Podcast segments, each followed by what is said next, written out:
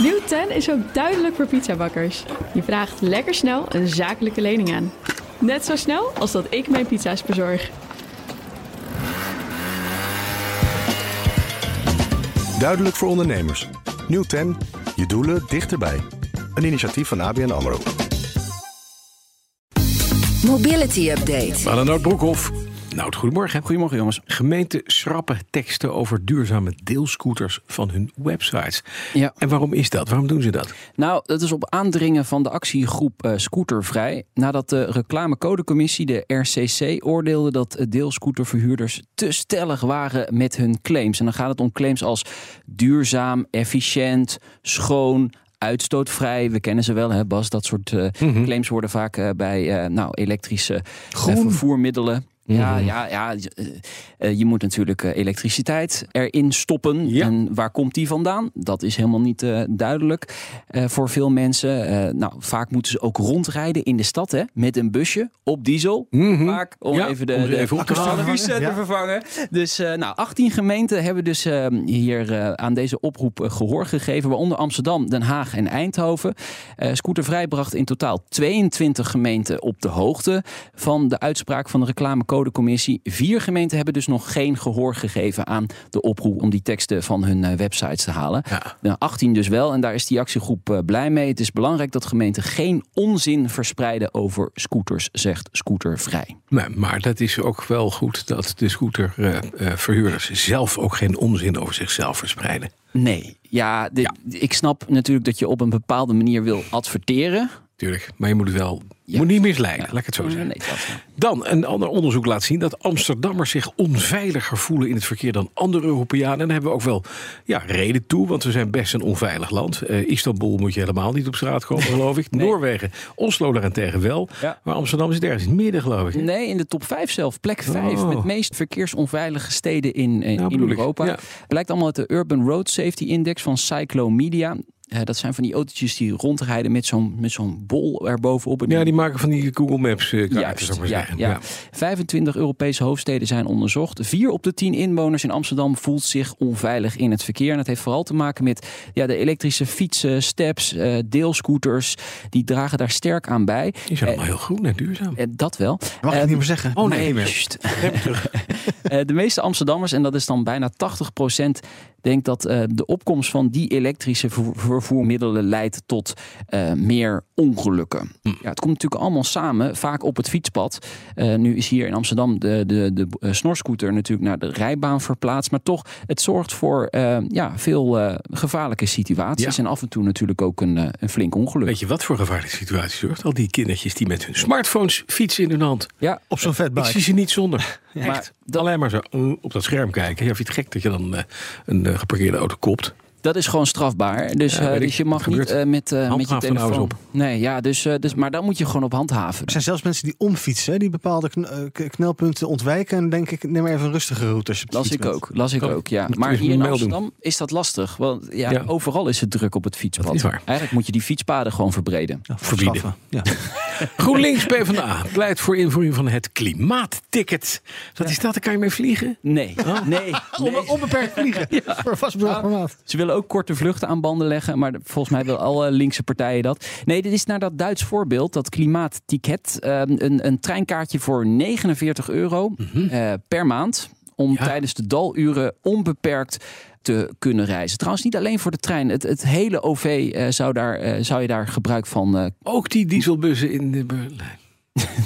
nou, dit gaat over Nederland dan. Ja, bedoel ik. Ja, ja nee, dat, uh, dat dan waarschijnlijk ook. Ja. ja. Nou ja, zo hoopt de partij natuurlijk meer mensen uit uh, de, de auto te krijgen. Ik moet wel zeggen, in Duitsland is dat klimaatticket ja, best wel een succes. Ja, maar dat kost ook niks, geloof ik. Hè? Dat ja, dan ja, het was op een gegeven moment 9 euro. Dat is ja, wel heel erg goedkoop.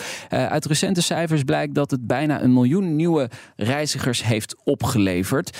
Het gaat de belastingbetaler natuurlijk wel geld kosten. Uh, er zijn namelijk kamervragen uh, gesteld over dat klimaatticket. Hè. Wat zou de impact in Nederland zijn? En toen kwam daar eh, het nieuws uit dat per reiziger die daar gebruik van maakt, het 4000 euro belasting kost. Per jaar?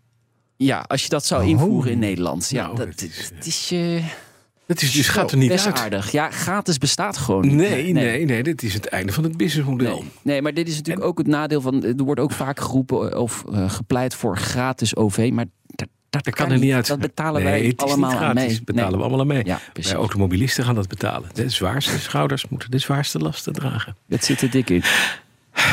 Volkswagen neemt een belang in Bike Mobility Services. En dat is van de firma PON. Ja, eh, dat is de, de fietslease-dochter van eh, PON. En PON is natuurlijk een van de grootste fietsenbedrijven eh, van Europa. Ja.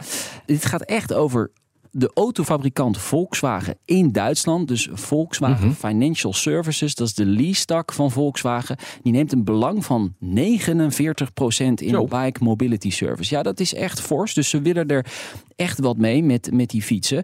Eh, ja, het doel is dus eh, het versnellen en het uitbreiden eh, van de fietsleasing. Niet alleen in Europa, maar ook in Amerika. Dat lijkt me nou nog wel echt een serieuze uitdaging daar. Want dat is nou natuurlijk echt het land van de auto. Maar misschien in steden dat het daar wel Ja, zou kunnen lukken.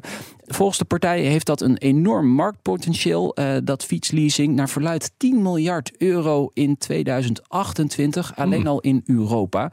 Nou, we zien dat het aantal leasefietsen in Nederland toeneemt. Een derde eh, krijgt het nu aangeboden van de werknemers. Valt nog mee, zit meer potentieel. Maar ja, de, de, de regelgeving was niet. Ja, was een beetje ingewikkeld, hè, met veel administratieve lasten, et cetera. Dus dat maakt het nog wat. eh, Ja, je krijgt er onaantrekkelijk. ongeveer een administratieve een kast bij. Een, een, een- precies een archiefkast bij als je zo'n leasefiets eh, huurde. Hè? Ja. Kreeg. Ja, ja. want je Goeie mocht dan, eh, als je dan wel weer een keer met de auto wilde komen, moest je dat weer laten registreren. En dan kreeg Ja, je daar wel weer een kilometervergoeding. Voor. verhaal. Vroeger had je gewoon een fietsvergoeding, punt. Ja, Ja, oké. Maar dit, ze zien potentie in ieder Ze geval. zien ge- ja, grote potenties dat de autofabrikant Volkswagen Hm. ook in dit soort mobiliteitsconcepten stapt, eh, Ja. is interessant. Ja, Volkswagen is de tweede keer dat ze wat een PON hebben. Vorige keer was het het busje wat werd ontwikkeld door eh, de oude PON. ja, ja, klopt. Dan, eh Arcadis doet het bereiksbaarheidsonderzoek naar de Lelylijn. Oeh, ja, daar wordt ook al even over Oh, gepraat. ja. Ja, hij ligt er nog altijd niet. Ehm, die Lelylijn, dat is die verbinding tussen de Randstad en, en Groningen. Het, het demissionaire kabinet heeft 3 miljard euro toegezegd. Nou, dat is nog niet genoeg om hem echt aan te leggen. Dus Arcadis gaat nu met een breed consortium eh, ja, een soort onderzoek doen... hoe de Lelylijn precies gaat lopen, op welke stations die dan moet gaan stoppen. Dat is nog niet besloten, dus dat wordt bekeken. Ja, dus ook de verschillende varianten worden afgewogen in het onderzoek. Dus ja, je zou ook kunnen zeggen, weer een onderzoek. Als je het gaat opzoeken, er zijn nog zoveel eh ja, dat van je die met- onderzoeken gedaan. Kosten van alle onderzoeken samen alle Lelylijn kunnen neerleggen. Kunnen. Ja, ja, dus eh, ja, je zou ook zeggen, we weten toch al een hoop. Ja, maar alle betrokken partijen kunnen mogelijk toch weer nieuwe inzichten krijgen eh, om varianten en oplossingen te bedenken voor de Ja, lelylijn. nou, we hebben wel geleerd van de Betuwe-lijn wat dat betreft. Nooit gebruikt. Ligt er voor heel veel geld Ja. neergelegd. Hadden we daar maar onderzoek gedaan. Nou, nu zijn we een beetje de andere kant uit doorgeslagen. Ja. Dan de nieuwe Europese nachttrein. Die rijdt vrolijk aan onze neus voorbij. Ja, het Oostenrijkse ÖBB, dat is de, de, ja, de, Oostenrijkische. Ja. Bundesbahn Ja, dank. Eh, ja, die gaat met een nieuwe nachttrein rijden vanuit Brussel. eh, maar die gaat dus niet door Nederland. De precieze reden is niet bekend. Maar ja, de capaciteit op het Nederlandse spoor is vrij beperkt. Ook met alle werkzaamheden die er gaan plaatsvinden. Ze hebben al een traject Brussel-Wenen. Wat ik eh, logisch vind. Hè. Het gaat over de Oostenrijkse spoorvervoerder. Eh, maar er komt dus nu Brussel-Berlijn via Keulen en Frankfurt bij. En dat is dus een concurrent voor de European Sleeper. Want die rijdt, hè, dat is een Nederlandse be- Ja. bedrijf. Ja, die. Particuliere club, ja. die rijdt van Brussel, Amsterdam naar Berlijn. Ja. Dus de mensen die uit Brussel instappen voor Berlijn in de European Sleeper, die kunnen nu dus ook in die de Oostenrijkse ÖBB ÖBB. nacht. eh, Waar wil je nou liever liggen? Ja, Hallo? Ah, beide niet. Misschien. Of Ja, wel. de, European, de European Sleeper schijnt een beetje oude troepie te zijn, toch? Ja, dat zegt Bas altijd, hè? Die, Ja, ja. het vrijstellen van 40 Ja, jaar oud is nog niet helemaal. Die zijn een beetje zijn. opgekalefaterd. En, eh, ja. ja, maar die ÖBB is allemaal heel erg netjes en goed en schoon en Ik heb de en treinsteller nog niet gezien, maar eh, ja, dat klinkt als een serieuze vervoerder natuurlijk. Ja. Dus eh, ja, dat is concurrentie voor de European Ja. Sleeper. Benieuwd hoe ze dat eh, gaan aanpakken daar. Moet je daar dan in dat, met je lederhozen eh, naar binnen? Er is nog een Nee, is nachttrein tussen Amsterdam en Wenen al. Die bestaat Ja, toch al? Ja, die ja, bestaat. die- en die die gaat dus nu naar Berlijn. Ja, Die gaat dus hij net, hè? Berlijn, ja. ja. Ja, Frankfurt. Ja, Frankfurters. Schnitzels aan de buitenkant. Heerlijk. Nou, de dankjewel. Oktoberfesten binnenkort. Zeker. Maandag half twee, nieuwe aflevering van Oh, BNR die zijn in Mobility. München trouwens. Die zijn heel erg zelfs. Maar Is niet erg hoor, maar is niet erg Oostenrijk, Duitsland. Hè. Biertje erbij, lekker. wat maakt het uit? BNR Mobility Update wordt mede mogelijk gemaakt Door ALD Automotive en BP Fleet Solutions. Today, tomorrow, together. Nieuw 10 is ook duidelijk voor pizzabakkers. Je vraagt lekker snel een zakelijke lening aan. Net zo snel als dat ik mijn pizza's bezorg. Duidelijk voor ondernemers. Nieuw 10, je doelen dichterbij. Een initiatief van ABN AMRO.